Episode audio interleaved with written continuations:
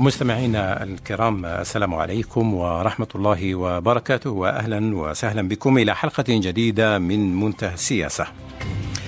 أزمة جديدة بين حلف الناتو وروسيا تعكس حجم الخلافات والصراعات بين الطرفين.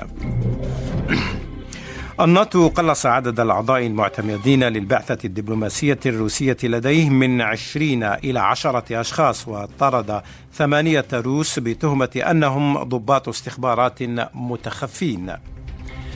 للتعرف على خلفيات وأسباب الأزمة الدبلوماسية الجديدة بين حلف شمال الأطلسي وروسيا ومناقشة تداعياتها ومآلاتها.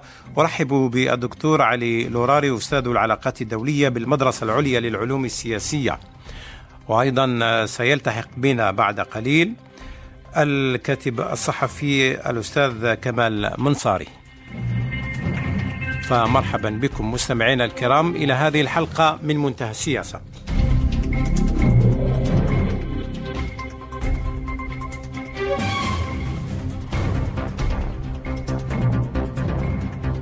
إذا مرحبا بكم مستمعينا الكرام إلى هذه الحلقة من منتهى السياسة وأبدأ معك الأستاذ علي لوراري في البداية يعني لابد أن نعود قليلا إلى الوراء لنعرف تجدد هذه الأزمات بشكل فقاعي إن صح التعبير بين الفترة والأخرى. تحدث هناك أزمة بين حلف الناتو حلف شمال الأطلسي وروسيا. تاريخيا إلى ماذا يعود هذا هذه الخلافات؟ يعني ما هي أسباب تكرر اندلاع مثل هذه الخلافات والأزمات بين الطرفين؟ شكرا أخ مروان. إذن السلام عليكم. يشرفني ويسعدني أن أكون مجددا معكم في هذا اللقاء. طبعا م. لقاء مهم جدا لأنه يتناول في الحقيقة قضية جوهرية يعني في العلاقات الدولية. وهي تتجدد يعني من فترة لأخرى. وإن كان أنا أرجعها في الحقيقة إلى طبيعة العلاقات وجوهر العلاقات الذي يربط روسيا تاريخية بالغرب كل الغرب يعني وليس فقط الولايات المتحدة والحلف الأطلس. تاريخيا لو ننظر إلى هذه العلاقة لنجد أنه حتى في المراحل التي كانت روسيا تريد أن يعني تتقرب إن صح التعبير إلى الغرب وهما بناة روسيا الحديثة تقريبا هم كانوا متأثرين إلى حد يعني كبير بالغرب منهم القياصرة قيصر الإسكندر الأكبر والقيصرة كاترين الثانية. بدليل أنه التغريب كان في روسيا يعني هو الحالة الحداثة بالنسبة لروسيا كانت تعني التغريب. يعني الحداثة بالنسبة توجه هذا يعني نحو الغرب هو كان المحدد الأساسي للسياسة تاع القياصرة في القرن 17 والثامن عشر. لكن دائما يفاجأ الروس أنه في الفترة التي تكون فيها يعني التقارب يكون في أوجه يحدث العكس وهو أنه تأتيهم صدمة أو مفاجأة من الغرب. وأعتقد أن الصدمة الكبرى في التاريخ الروسي وهو أن روسيا كانت متأثرة كثيرا بفلسفة التنوير الفرنسية وبالأفكار أفكار الثورة الفرنسية لكن بعدها بقليل تأتي الحملة النابليونية يعني ما وقع في روسيا بعد الحملة النابليونية. إذا دائما يكون هناك جناح يريد أن يتقرب إلى روسيا. ويصطدم برفض أنا نقول رفض وعداء للغرب في بعض الأحيان وهذا وهذا وهذا الرفض أضعف هذا الجناح داخل روسيا دائما الآن. يضعف هذا الجناح. ويأتي بعده كردة فعل طبيعية وهو بروز الجناح الآخر يكون جناح محافظ نسميه قومي جناح قومي, قومي نعم. أو في بعض الأحيان م. يعني متمركز حول الفكرة السلافيه المهم قد يلبس لبوس مختلفة لكنه في الأصل نقدر نسميه هو جناح منكفئ. أنا أسميه التيار المنكفئ على نفسه داخل روسيا. سواء يقدر يكون شيوعي يقدر يكون قومي وطني. متطرف إلى آخره. حتى المصطلح اليوم السائد اليوم في في روسيا ما يسمى التيار ما يسمى le le brun rouge بمعنى أنه في بعض الأحيان وهذا يظهر أكثر في في روسيا تحالف ما بين تيارين الأصل أنهما متعارضين. ما هما التيار القومي المحافظ حتى يميني والتيار الشيوعي الماركسي. هذا يوجد فقط في روسيا, في روسيا. آه. والسبب هو اشتراكهما في فكرة هو الخارج. إذا حتى روسيا سياسة روسيا الداخلية مرتبطة دائما بعلاقتها بالخارج. أنا أعطيت فقط قلت الحملة النابليونية فاجأت روسيا. بعدها مباشرة بدأت تظهر هذه التيارات وتنشط. وفي الحقيقة هي التيارات المعجبة بالثورة الفرنسية وقيم الفرنسية قيم الفرنسية. وقيم الغربية. عموما, عموما. ونعطيك فقط مثال. آه الأكاديمية ما يسمى الأكاديمية الروسية في بداية في عهد الإسكندر آه آه الأكبر كانت تقريبا كلها من الألمان م.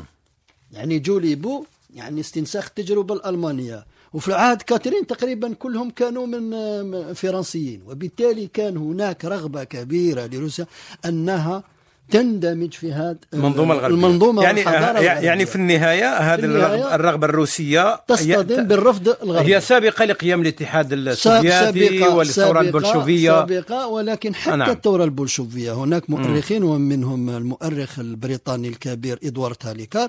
يعتقد أنه حتى هذا الصدام م. الذي وقع يعني في الفترة الأولى تاع البولشوفية. إحنا رانا شفنا أنه في الفترة البولشوفية ما يسمى الحرب ما بين الجيش الأبيض اللي هو جيش ليبرالي والجيش الأحمر. إذا دائما كانت العلاقة مرتبطة بها أن هناك رغبة في أو أنه اعتقاد روسي أن الغرب يريد أن يخنق روسيا أو آه، يحاصر روسيا, روسيا. ويضعف روسيا. وبالتالي يضعفها. هذا الاعتقاد الروسي هو الذي يحدد سياساته الخارجية في كثير من الأحيان. وإن كان أنا نقول أن هذا طيب. الاعتقاد ليس مبنيا عن أوهام هو مبني عن حقائق تاريخية. إدوار هاليكار هو مؤرخ بريطاني يقر أنه أنه ما فعله ستالين ربما كان شيء شيء ما نقولوش بالضرورة يعني فيه نوع من المعقولية بالنظر إلى حجم الضغوط والخنق. هي كان نعم. سياسة لخنق روسيا كل ما تريد روسيا أنها تتقرب أو تريد أن حتى تبني نموذج خاص بها كاين هناك آه، خنق, خنق أو حصار ونسميه يعني نسميه بمسميات كثيرة. بالضرورة هناك طرف آخر داخل روسيا أو خارج روسيا يحاول توظيف هذا هذا هذا هذه الطبيعة هذه هذه نوعية هذه العلاقة لمصالح خاصة. وربما لو نواصل. الحديث طيب. حتى يعني هذه هذه إضاءة مهمة. استمرت. نعم. استمرت. سنجد انه تتجدد إلى يومنا هذا. طيب حتى هل... بوتين ربما اسمح لي أخ مروان حتى آه، ربما قبل بوتين حتى في عهد بوتين. في المراحل الأولى وخاصة بعد ما يسمى الحرب على الإرهاب بعد ما يسمى التحالف الدولي الدولي لمكافحة الإرهاب. بوتين. بوتين كان يعتقد أنه فرصة لروسيا أنها تتعاون أكثر مع الغرب. ما دام أن عندنا عدو مشترك هذا العدو المشترك هو قريب جدا من روسيا وأن ربما الغرب فهم حسبه أن هذا التهديد. ويقصد كذلك القضية الشيشانية يعني الحركة الإرهاب يعني كل واحد لديه تصور. في آسيا آه. الوسطى إلى آخره وكان يرى هذا التهديد هو من زاويته يعني من منظوره الخاص. فقال أنه هذه فرصة لنا أن الشيء اللي كنا نقوم به. وربما الغرب كان يرفضه اليوم ربما سيتحالف معنا وأننا هذه فرصتنا للانخراط في آه، تعاون دولي. آه، يعني تعاون دولي. معه. ربما تكون آه، النظرة الغربية ستتغير. لكن ولكن. ولكن, لكن هذه لكن هذه مهمة. يعني الآن إضاءة تاريخية حول يعني هناك جذور للعلاقات المتوترة بين الغرب وروسيا. يقول الأستاذ علي الوراري كلما كانت روسيا حتى قبل قيام الثورة البلشوفية تحاول الاقتراب من الغرب أو بناء علاقات جديدة تأتي عملية صد ورفض من طرف هذا الغرب. ربما هذا ما يفسر تكرار بين الفترة والأخرى أزمات بين حلف الناتو مثلا وروسيا. آخرها ما حدث قبل أيام من طرد دبلوماسيين روس بحجة أنهم ضباط استخبارات متخفين في ثوب دبلوماسيين. كيف تقرأ الاستاذ كمال منصاري هذه العلاقة المتوترة، هذه الأزمة، يعني ما هي أسبابها؟ ما هي خلفيتها؟ لماذا تعود كل مرة هذه الأزمة بين الطرفين؟ إذا إذا رجعنا إلى الماضي آه، تحليل الوضع الحالي مع مقاربة تاريخية. يمكن أن نحددها في آه، الجوانب التالية. أولا أن روسيا القيصرية أو قبل الثورة البلشفية كانت لها علاقات تقريبا آه، هادئة مع الغرب. يعني نحن لا ننسى بأن العائلة الأسرة الحاكمة عندما سقطت في 2000 آه، في 1917 آه، كانت الدول الغربية التي ساندتها وعندما بدأت الثورة البولشيفية كل الدول الغربية تقريبا من فرنسا وبريطانيا وأمريكا ساندت النظام القيصري الموجود آنذاك. الصراعات التاريخية كانت أولا حول حول المصالح المصالح الاقتصادية وحول طرق عبور الطرق عبور السيطرة على الطرق العبور من أوروبا إلى آسيا وإلى آسيا الصغرى وآسيا الوسطى خاصة في مضيق القرم ومضيق الدردنل ونتذكر الحرب التي جارت بين الدول الحلف الثلاثي البريطاني الفرنسي التركي ضد روسيا في سنة 1853 آه، وذلك للسيطرة على مضيق البوسفور ومضيق آه، دردنال لهذا كانت هناك آه، كانت العلاقة التاريخية كانت متعلقة أساسا بالمصالح الاقتصادية ولكن من الناحية الإيديولوجية لم يكن هناك مشكل. هذه المشاكل ظهرت بعد الحرب العالمية الثانية والحرب الباردة.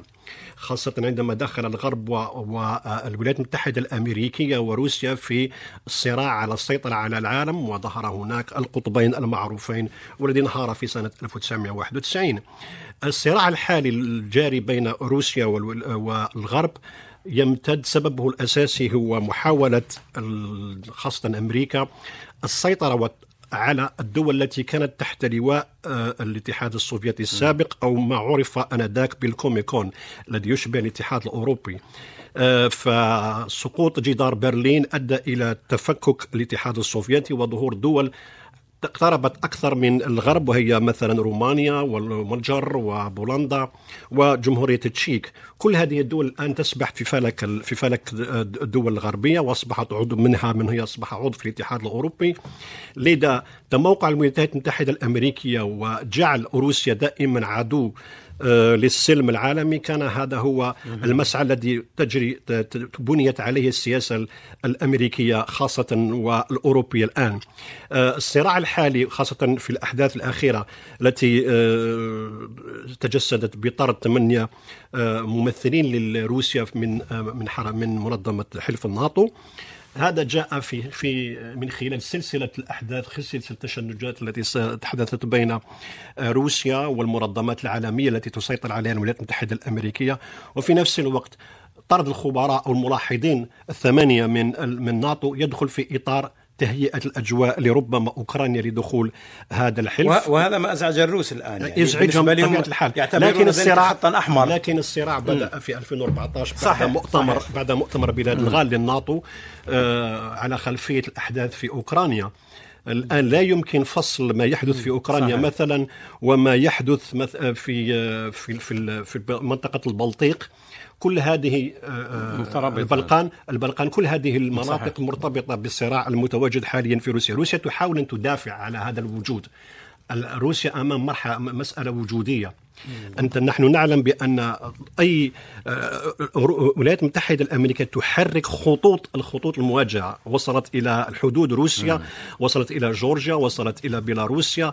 كل ما تحركت الخطوط المواجهة بين الولايات المتحدة الأمريكية أو الغرب عموما وروسيا إلا وقامت روسيا بالرد عسكريا. في الحل الموجود لدى روسيا هو حل عسكري.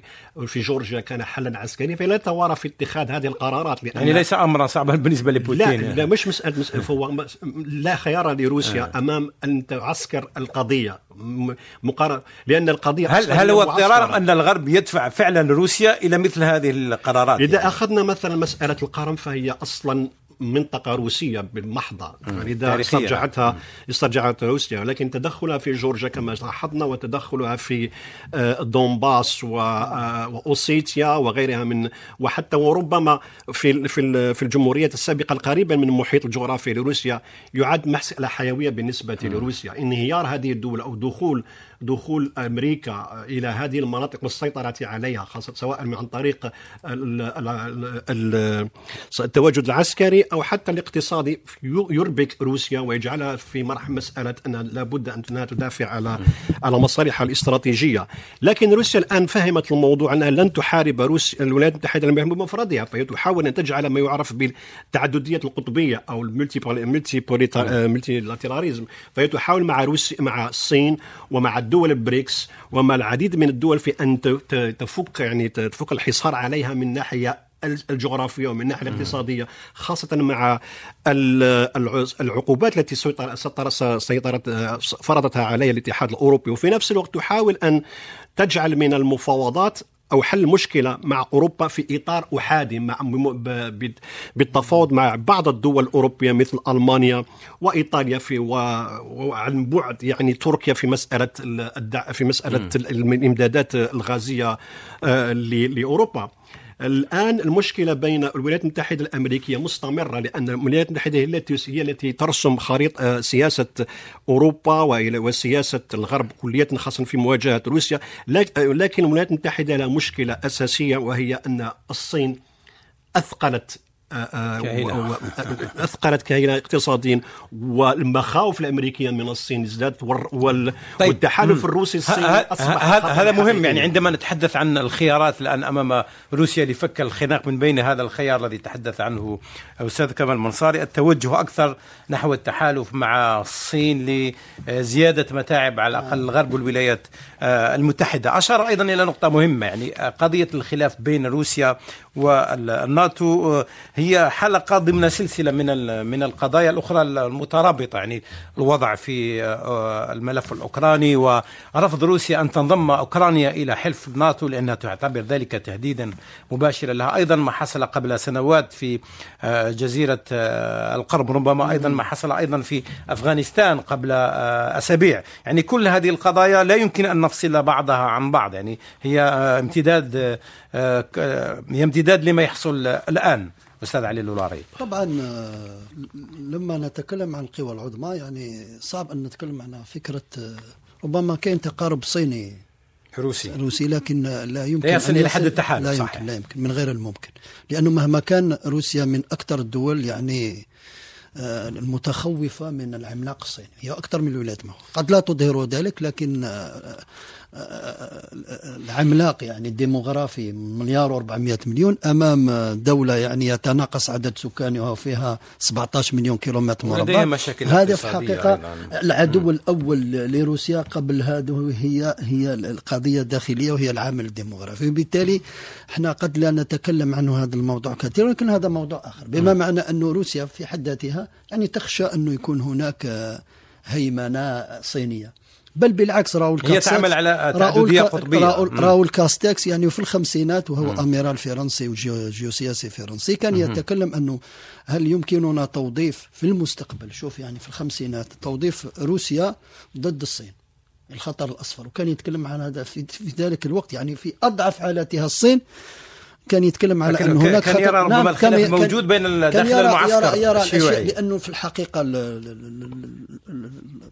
ما أسميها أن الاستشرافيون الكبار يصرفون أشياء على بعد 100 سنة. مثلا إحنا اليوم القوى العظمى أنه هناك من في في في منتصف القرن 19 استشرف أن الولايات المتحدة والقرن العشرين سيكون قرن الولايات المتحدة وقرن روسيا.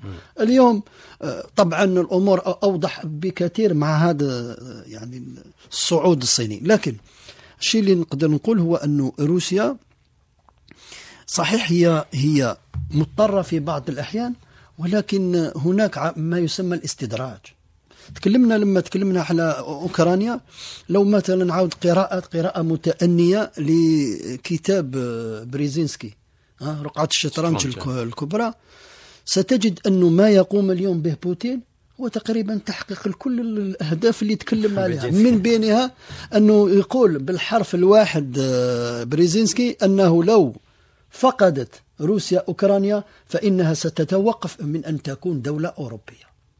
وهذا ما يخيف روسيا ما يجعلها تقف ضد انضمام لا تستطيع أن, أن لا تتدخل وعندما تتدخل في, في, في, في الأخير ستجد نفسها خاصة وهذا ربما عبقرية الغرب أخ مروان لأننا في الكثير من لما نتكلم هل, هل نفهم من كلامك أن الغرب يستدرج روسيا نعم نعم إلى نعم. هناك هذا الاستدراج لماذا؟ لأنه شوف بعد 92 روسيا حددت ما يسمى الدوائر الأساسية للسياسة الخارجية.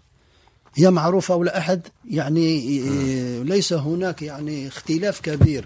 هي اختلاف في الطريقة لكن الدوائر الأساسية للسياسة الخارجية الروسية منذ كوزيريف وأنا قلت كوزيريف ينتمي إلى ما يسمى تيار تغريبي ها؟ تيار تغريبي أندري كوزيريف أول وزير خارجية لروسيا الفيدرالية. فقط هذه المعلومة وأصلا ولد في بروكسل عاصمة يعني الغرب.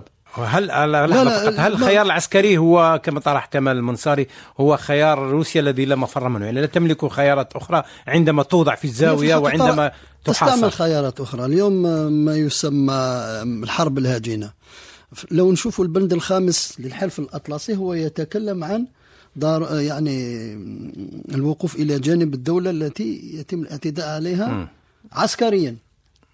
لكن إحنا نشوف أن روسيا قادرة على الإضرار بالكثير من الدول يعني آه، ما يسمى الحرب السيبرانية الحرب الهاجنه دون أن تتدخل عسكريا. لا يوجد يعني في الحلف الأطلسي وفي البنود يعني الميثاق المؤسس شيء اسمه آه، شيء اسمه الإضرار والتخريب آه، غير العسكري. اليوم إحنا روسيا عندها في الحقيقة ونعطي مثال.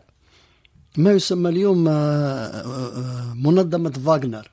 كيف م. تنظر إليها يعني؟ كيف ينظر إليها الحلف الأطلسي؟ هل ينظر إليها على أنه عمل عسكري روسي رسمي؟ أو أنها يعني ك... ليس تقول هي شركة يعني أمنية خاصة. وبالتالي القدرة على الإضرار لأن اليوم لما نتكلم عن العمل العسكري هو ما هوش الفائدة منه انه إذا كان عسكري أو غير عسكري ولكن النتائج لا. روسيا حجم الضرر تحقق حجم. الضرر وحجم. التخريب روسيا تحقق في بعض الإنجازات يعني بين قوسين أن أوباما قبيل يعني خروجه من البيت الأبيض لما سئل في هذا الموضوع يعني بالذات يعني قدرة روسيا على التأثير على الانتخابات وعلى ما يسمى الشبكات الإنترنت وربما الشركات الكبرى اختراقها إلى آخره. كان جواب جواب أوباما ربما أنا أعتقد أنه كان مخطئ إلى آه، حد ما ربما لأنه ربما في الفترة تاعو لم تصل الأمور إلى ذلك يعني الحد المستوى. والمستوى الخطير مم. قال أنه هذا علامة ضعف لروسيا وليس علامة قوة لما دولة بحجم روسيا تلجأ إلى هذه الخيارات يعني فهو علامة ضعف لكن اليوم لما نشوف دول كثيرة ربما تنظر وفي حتى في دول غرب أوروبا ينظر ربما إلى الطريقة المتبعة على الأقل في طريقة الحكم يعني في روسيا على أنها نموذج. نشوف في اليمين المتطرف في إيطاليا اليمين المتطرف آه، آه، في, في, في فرنسا إلى آخره. آه، وكأن هناك نوع من أنه أصبح يعني لبعض لبعض الفئات أو لبعض الأطراف أو لبعض التيارات وكأن روسيا أصبحت نموذجا. آه، روسيا استطاعت الإضرار بكثير من الدول في أمريكا الجنوبية الدول التي كانت يعني معارضة لفنزويلا. هناك خطر كبير. اليوم الأمور ليست يعني محصورة في ال في ال ما يسمى الأمن الصلب. اليوم العالم أصبح يمر بحالة من الميوعة. أصبح سائل إن صح التعبير معناه أننا لما نتكلم عن الأمن لابد أن نغير يعني حتى المصطلحات التي نستعمل لأن الأمن اليوم ليس هو الأمن. عنده مفاهيم عديدة. صحيح. صحيح. صحيح. اليوم الأمور طيب. سائلة ويعني التأثير فيها آه، يعني لا نستطيع حتى يعني التكهن باتجاهات هذا التأثير. طيب. هنا الأمر يعني معقد جدا. طيب. هذا هذا الأمر المعقد يعني في في العلاقة بين روسيا وبين الحلف. آه، الناتو أكيد هو يستند كما قلنا إلى عديد من القضايا الخلافية بين الطرفين وليست جديدة لكنها تتكرر آه، كل مرة. لو نتحدث عن التداعيات الأستاذ كمال منصاري والانعكاسات آه، هذا الخلاف على العلاقات بين الطرفين هل ستتجه نحو المزيد من التوتر وعدم التفاهم وتتجلى في أزمات وقضايا موجودة في المنطقة الأوروبية مثلا أو في مناطق أخرى من العالم؟ أعتقد أن التوتر أنا قلت وأشرت بأن التصعيد في التوتر بين روسيا والغرب خاصة الولايات المتحدة الأمريكية بدأ بعد مؤتمر بلاد الغال في 2014 على خلفية ما جرى في أوكرانيا. هناك محاولة للغرب لاستمالة أو إقحام أو انضمام العديد من الدول آه، التي كانت سابقة تحت كنف الاتحاد السوفيتي من حيث من ناحية جيوستراتيجية. وأنا أتكلم هنا على آه، مونتينيغرو الجبل الأسود التي آه، عملت عمل الاتحاد عمل الناتو على إقحامها كدولة شريكة في ناتو وهي الآن تحاول أن بعد بعد يعني وضع ما عرف بالدرع الأمني في بولندا سنة 2015 أصبحت ظاهرا بأن الولايات المتحدة الأمريكية تسعى إلى تطويق وتقويض روسيا من ناحية من الناحية الجغرافية أولا ثم من ناحية جيوستراتيجية ثانيا. لا يمكن نكران بأن هناك محاولة للغرب في آه، تضييق على روسيا من الناحية الجغرافية من ناحية المصالح وحتى من ناحية وجودها كدولة شريكة في العديد من آه، المنظمات العالمية انسحاب الولايات المتحدة من الاتفاق النووي آه، بعد في عهد ترامب أدى إلى العديد من من الملاحظين بأن هناك نية نية أمريكية واضحة لتصعيد في المواجهة مع روسيا. هذا ما جعل مثلا روسيا أن تحاول أن تصدر المشكل إلى خارج نطاقها الجغرافي في الشرق الأوسط في إفريقيا أو حتى في أمريكا اللاتينية. لكن الواضح أن الصراع الذي جرى مثلا في سوريا أظهر جليا بأن بأن الأزمة في سوريا كانت أزمة جيوستراتيجيه بالخصوص أزمة تموقع محاولة الغرب للسيطرة على أهم دولة في الشرق الأوسط بالنسبة لروسيا. لذا من الناحية الجغرافية ومن الناحية الجيوستراتيجية روسيا آه، سوريا كانت تشكل آه، آه، حلقة مفصلية في العلاقات بين الناتو والغرب عموما وروسيا. لكن الظروف الظروف الأمنية والظروف مجريات الصراع في سوريا. قلبت الموازين وجعلت روسيا تسيطر نوعا ما مع حلفائها الاستراتيجيين ما هو حزب الله وايران وحتى النظام السوري في أن تبقي على وجودها آه، آه، الجيوسياسي والأمني.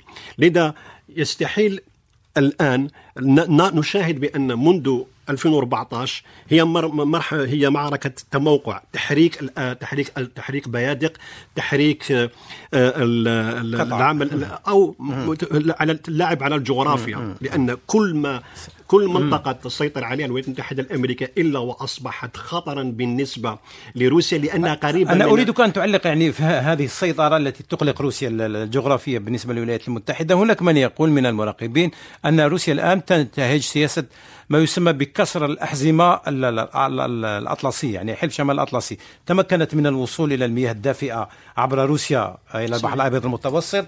ثم نعم سوريا عفوا هي موجودة أصلا لم ثم ولكن موجودة لا, لا بناء قواعد عسكرية موجودة, موجودة في اللاذقية لا يعني في, في طرطوس إيه طرطوس موجودة كانت موجودة إيه. لا لكن بعد بعد 2011 أكثر يعني بشكل مباشر. ثم في آه، ليبيا الآن والآن تصل إلى إلى منطقة الساحل والصحراء يعني ما يسمى المناطق الجافة. يعني هناك محاولة لفك الخناق يعني تفتح جبهات أخرى في مواجهة حلف الناتو والغرب هذا الذي نعم. أشرت إليه هو أن تحاول أن تصدر الأزمة خارج قواعدها الجغرافية بقدر ما تحاول يحاول الغرب أن يتقرب من من المحيط الجغرافي الروسي إلا وتقوم روسيا.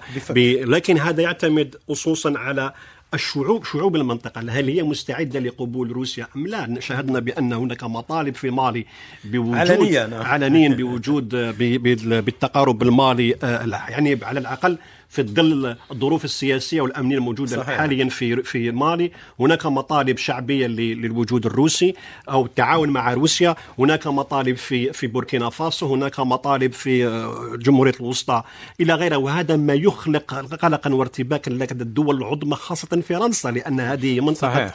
منطقة نفوذ. نفوذ, فرنسا ولهذا لهذا أعتقد بأن روسيا تحقق مكاسب على الأقل من الناحية من الناحية السياسية ممكن انها تضغط ان دخول روسيا إلى إلى إلى إلى إلى منطقة الساحل هذه مفارقة جديدة جدا قد تخلق العديد من الحسابات. نحن تكلمنا على ال- ال- ال- التحالف الصيني الروسي خاصة بعد ال- وظهر ذلك جليا من الناحية العسكرية بعد اسمه تحالف والتقارب ممكن. هناك من الناحية العسكرية نتكلم خاصة الوجود ال- المناورات التي جرتها روسيا والصين في شهر أغسطس الماضي وكانت مناورات كبيرة خاصة في شمال في شمال في شمال آه، الصين. يبني يب- يبين بأن هناك نية مبي- مبيتة أو على الأقل هناك تعاون أمني امني آه، آه، يعني متقارب وصارم بين روسيا والصين لإظهار لل- لل- للناتو بأن هناك تحالف على الأقل لو كان شكليا لكنه موجود ومن صحيح. العسكرية لذا هذا التحالف سيتحول إلى إفريقيا. وجود قوة اقتصادية ضاربة في في في في, في إفريقيا وهي الصين لابد أن يكون لها ساعد أمني وهو آه، روسيا. روسيا لذا اللعب على هذه الوترين الأمني والاقتصادي سيجعل من الغرب أن يح- يحاول آه، مراجعة حساباته خاصة الدولة التي مثل فرنسا التي هي تعاني الآن من العديد من الرفض شعبي إفريقي متواصل. وأعتقد بأن أعتقد بأن الحلف الروسي الصيني حقيقي وموجود ولو آه، على الأقل في الفترة الحالية لأن لا مفر من لروسيا من أن يكون لها قطبي آه، ل- علاقات متوسعة ومتنوعة مع العديد من الدول وهي التي تسعى إلى ذلك أن خلق ما يعرف بعلاقات يعني غير آه، يعني متعددة. أطراف متعددة تشارك في حل الأزمة الأمنية التي تتكلم عليها الولايات المتحدة ال- الولايات المتحدة وروسيا في نفس الوقت. كل الاتفاقات التي فشلت مع دول الاتحاد الأوروبي ككتله أو بمفردها حولتها روسيا إلى قضايا جديدة في الشرق الأوسط في ليبيا و يعني فتحت لهم جبهات. فتحت جبهات. لا يمكن الآن نكران أن هناك آه، خلافات حادة بين الدول الأعضاء داخل الناتو خاصة في مسألة ليبيا لا سيما بين تركيا وفرنسا مما جعل الروس في مرحلة في نوع من الأريحية وتركيا تتصرف كأنها ليست عضوا في في الناتو هي عضوة في الناتو، إيه. ولكن- لكنها تتصرف الآن في خارج لأن. هناك مصالح مشتركة مم. بينها وبين بين العديد من الأطراف الليبية فإنها تدافع على وجودها في ليبيا مم. نحن نعلم أن الاستثمارات ال- الاستثمارات التركية. التركية رهيبة في في في في, إيه، في ليبيا. ليبيا آه، روسيا أمضت اتفاقات بلغت آه، أربعة مليار دولار مع النظام السابق آه، في ليبيا آه، بريطانيا عندها استثمارات تقارب 60 مليار دولار لذا كل هذه الدول تحاول أن تبقي على مكاسبها في المنطقة ناهيك طيب. على ما تسعى ما تسعى أن تقوم به روسيا في منطقة الساحل خاصة في مالي مع وهي الاتفاق تتوسع. الأمني بين الحكومة الروسية آه، الحكومة المالية حكومة باماكو وشركة تم. تزويد آه، الحكومة المالية قبل أيام بأربع آه،. مقاتلات يعني صحيح. آه، صحيح. بشكل لذا سريع يب... لذا نقل الصراع إلى مناطق أخرى أصبح مسألة حلوية بالنسبة لروسيا في ظل الظروف آه، الأمنية الحالية. داكو آه، آه، في في هذه النقطة المتعلقة بروسيا والاتحاد ال- آه، عفوا ب- بالناتو وهذه القطيعة الموجودة الآن بين الطرفين. لابد أن نسأل الأستاذ علي آه، الوراري آه، أكيد أن هذه القطيعة لن نذهب إلى قطيعة جذرية بين الطرفين لأن الأمر لا يخدمهما في النهاية. يعني نصل إلى حدود الهاوية ثم نعود لنتحاور. يعني برأيك آه، هل تتوقع أن تؤدي هذه الأزمة الطارئة الجديدة بين الطرفين إلى فتح آه، حوار مع روسيا. يعني لا لا يمكن أن آه، أن نكمل أن يكمل الغرب عملية محاصرة وخنق روسيا إلى ما لا نهاية لأن ذلك قد آه، يترتب عنه ردود فعل. لن لن تخدم مصالح ال- الغرب ولا مصالح روسيا. يعني هل تتوقع أن يبدأ حوار جديد مثلا في الفترة المقبلة حول القضايا الخلافية بين الطرفين؟ هذا هو بيت القصيدة في الحقيقة الدول العظمى ليست عظمى لأنها فقط تستطيع الدخول في حرب بل هي دول عظمى لأنها. قادرة على أنها تتفادى الحرب. هذه ما يسموها في العلاقات الدولية سياسة حافة الهاوية. ها؟ حافة الهاوية تعرف في أوج الصراع ما بين الاتحاد السوفيتي والولايات المتحدة إلا وكان هناك مرحلة ما أنه هناك كسب أوراق. خلط أوراق وفي بعض ثم كسب أوراق. ثم ندخل في مفاوضات وهذه المفاوضات تؤدي إلى يعني في الحقيقة هو مرتبط دائما بميزان قوة.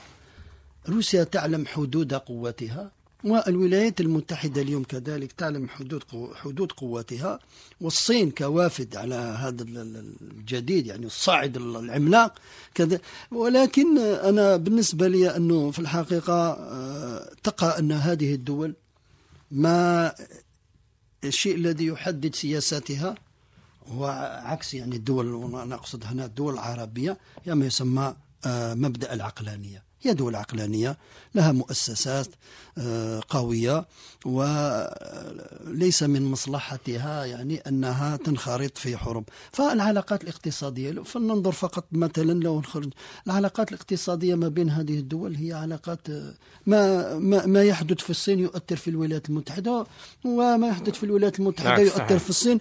ودرجة الاعتمادية يعني الانترديبوندونس ما بين هذه الدول كبيرة جدا. نشوف مثلا إحنا مثلا الشرق الأوسط وأريد أن نتعلم من دول الشرق الأوسط. نريد أن نتعلم إحنا كعرب نتعلم من إيران وتركيا وروسيا. حجم الخلافات كبير كبير جدا ومعقدة يعني الصراعات بينهم. لكن في كل مرة آه، كان هناك آه، آه، مساومات. لكن هذا المساواة دائما يوصل إلى نوع من التوافق صح. وهذا التوافق نشوفه أكثر ما ننظر إليه نشوفه في المبادلات التجارية. لو تشوف أنت حجم المبادلات التجارية ما بين تركيا وإيران وروسيا اللي هي في الأصل هي دول يعني تتصارع وتتنافس يعني في الشرق الأوسط وكل واحدة عندها أجندة خاصة بها لكن علاقتها يعني الاقتصادية يعني, يعني حتى تتعجب. وحجم اللقاءات آه، يعني رهيب.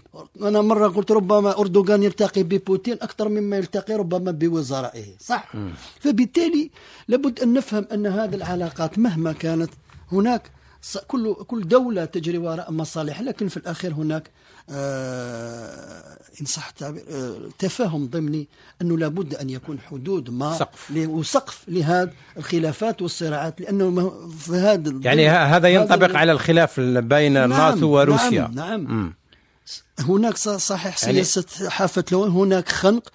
روسيا كما قال الأخ كمال نعم إذا فقدت يعني في في ما يسمى الغريب المجاور يعني في دول الجوار فقدت ربما تسترجعه في, في منطقة في أخرى. إفريقيا في سوريا إلى آخره إذا لا تلعب على الجغرافيا تلعب على الجغرافيا قال. نعم إذا هذه الدول يبقى أنه ما يميزها هو العامل العقلانية سلوكاتها آه، تهدف أن تكون عقلانية تهدف إلى أنها تحقق أكبر قدر من صحيح. المصلحة صح. ولكن الحرب في ما بين هذه الدول هو أمر يعني مستبعد. مستبعد. حتى أننا نشوف الحروب التي تحدث هي خارج يعني خارج جغرافيتها. لكن حروب بالوكالة. حروب بالوكالة. نعم هذا ممكن. ما حدث في سوريا ودليل نعم. قاطع على أن الصراع الغربي الروسي أو الغربي آه، آه، آه، ودول المنطقة أعتقد النظام النظام السوري.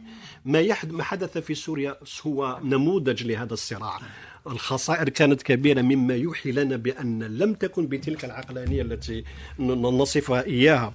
أعتقد بأن مشكلة الصراعات المصلحية المبنية على مصلحة شاهد على ذلك ما حدث بين روسيا وتركيا. إلى يومنا هذا المسألة الروس المسألة سوريا مرتبطة بالاتفاق الاتفاق على على على على محافظة إدلب. إلى يومنا هذا لم نفك لم يحل المشكل كلية بسبب التواجد التركي الامتداد التركي في سوريا عن طريق حركات نور الدين زينكي على حركات الجيش الإسلامي. يعني. إيه، بسبب بسبب بسبب مسألة الأكراد. فهي داخلة في الصراع ومنخرطة تماما سلاحا وقوة وامالا في في القضية السورية. فرنسا وهي آه، آه، تركيا أيضا منخرطة في الصراع في في ليبيا.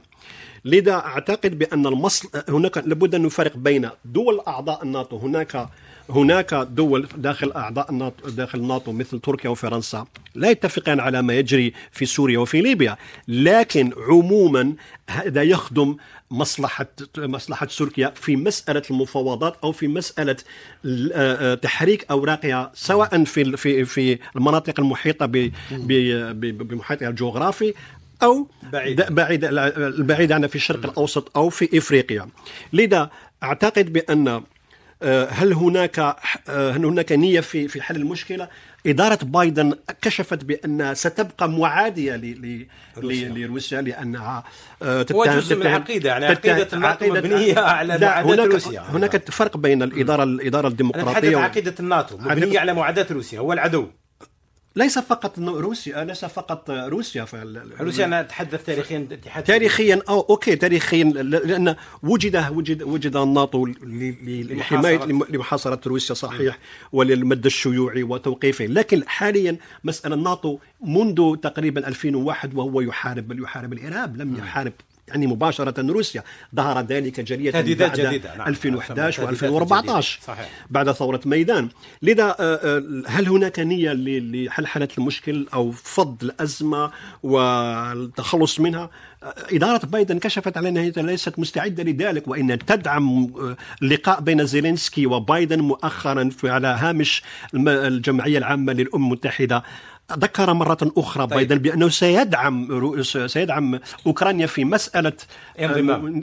مسألة مواجهتها قبلا لروسيا و انضمام للناتو. وانضمام وهذا ما يخيف روسيا يعني هذا الذي يقلق روسيا الانضمام إلى الناتو. للأسف شديد وقت الحلقة مر سريعا جدا يعني آه، أكثر مما كنا نتوقع. شكرا جزيلا لضيفي هنا بالأستوديو للدكتور علي لوراري أستاذ العلاقات الدولية بالمدرسة العليا للعلوم السياسية وللأستاذ كمال منصاري مدير صحيفة لوجان إنديبوندون. شكرا لكم أنتم أيضا مستمعينا الكرام على طب الإصغاء والمتابعة وإلى حلقة قادمة إن شاء الله.